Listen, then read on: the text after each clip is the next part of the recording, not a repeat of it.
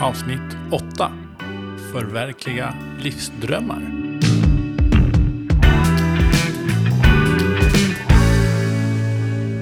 Vad betyder det här? Jag tänker att det här betyder att eh, du har drömmar som du vill göra i livet. Och jag har drömmar som jag vill göra i livet. Och vi kanske har någonting också gemensamt som vi drömmer om att göra. Men det är nog troligtvis väldigt praktiskt.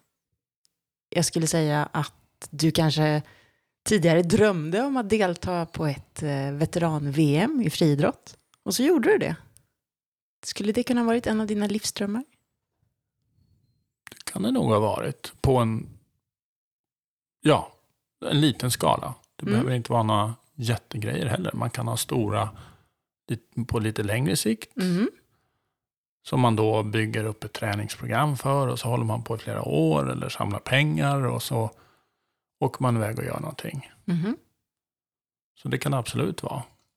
Men det behöver inte vara en jättegrej egentligen. Det kan vara något mindre också.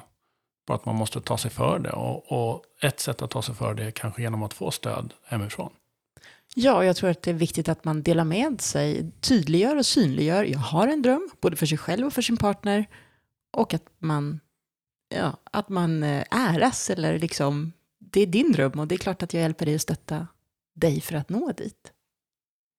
En viktig del är nog just det här att få syn på det själv och eh, förklara för sig själv. Och sen dela med sig av det. För det kan vara någonting som ligger och gror lite grann också. Man kanske inte riktigt har känn på det först. Ja. Men man kan ju få en så väldigt fin effekt när man har, när den är tydlig och jag har liksom sagt, åh, jag skulle vilja gå på den här digitala skulpturkursen. Och så får jag liksom stöttning av dig, då blir du min bästa cheerleader. Det är jättefint att få den. Eh, ja, det är väldigt fint för engagemanget i relationen. Och en positiv spiral. Ja, för du är engagerad i mig och min livsström. Och sen om vi dessutom kan ha en egen gemensam livsström som någon gång ska vi bo utomlands tillsammans. Ja, eller en liten stuga eller en liten båt eller att vandra en eh, lång led någonstans. Mm. En av våra tidiga livsströmmar var att vi skulle besöka alla jordens största öar. Kommer du ihåg det? Hur gick det med det då? Alltså vi har inte kommit så långt på den resan, men eh, De öar vi har varit på har varit fantastiska. Ja, den kanske ligger och skvalpar där ändå i bakgrunden, den livsströmmen.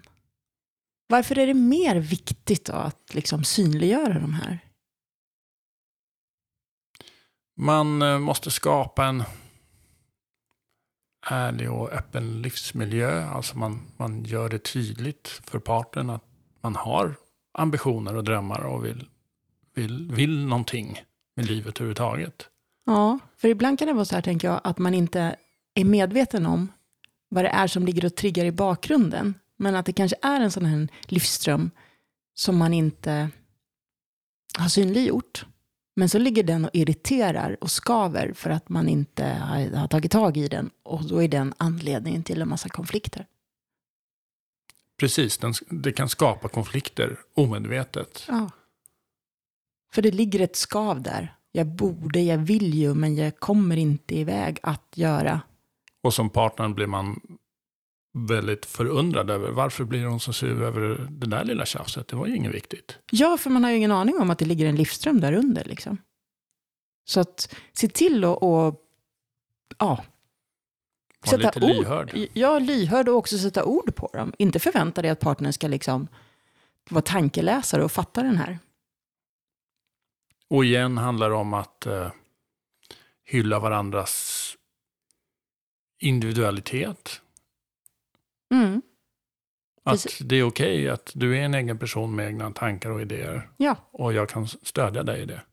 jag hyllar dig, jag hedrar dina livsströmmar, jag ärar dig att du vill göra det, jag stöttar dig och jag utmanar dig kanske också att verkligen nå det här. Det kan ju också vara inom det sexuella området. Mhm. Man kan ha lite önskemål och drömmar som man kanske aldrig har kläckt ur sig. Ja, kan det då vara som det här med sexfantasier, att man kanske inte riktigt vill uppleva allt, man kanske bara vill drömma om någonting? Att inte allt måste vara verklighet? Det tror jag absolut. Och där måste man ju vara väldigt tydlig också. För vi pratar ju om att det här är livsdrömmar, men eh, är det, är det bara drömmar eller vill man utföra det? Ja, men då, sätta ord på det då. Prata om det i alla fall. Mm. Vad drömmer du om idag? Vad, när vill du nå dit? Uh, och vi, jaha, nej, du vill inte nå dit. Du vill bara drömma om det här. All right. Kan det också vara så som med, eh, med sexet, att man, om man inte pratar om det, hamnar i det här liksom leftover-träsket? Bara det överblivna. Det sexet som man alltid har gjort och båda tycker är acceptabelt. Tolererbart på något vis. Ja, för man har aldrig satt ord på det. Och då kanske det blir det här skavet. Och man hamnar i konflikter, fast den andra inte vet vad det rör sig om. Jag vill ja. ju göra det här, jag vill ju prova det här, men jag vågar inte berätta det. Ja. Ja, ni hör, kommunikation är A och O även i relationshuset. Så förverkliga livsdrömmar handlar ju också om dig som individ ganska mycket. Ja, men även att i teamet få hjälp och stöttning till att nå mina livsdrömmar. Mm. Så respekt av partnern, stöd till partnern. Kanske hjälpa dem till med att synliggöra livsdrömmar som de inte riktigt har förstått. Mm. Så det är ju mycket generositet i det här också. Mm. Mm. Jag tror också starkt på att eh, om ni inte har en gemensam livsdröm så återkom med frågan och undersök det i alla fall. En gång om året. Har vi någonting gemensamt som vi skulle vilja drömma om tillsammans? Få upp det till, få upp det till ytan och dela med er av projektet. Vi nöjer oss där. Yes!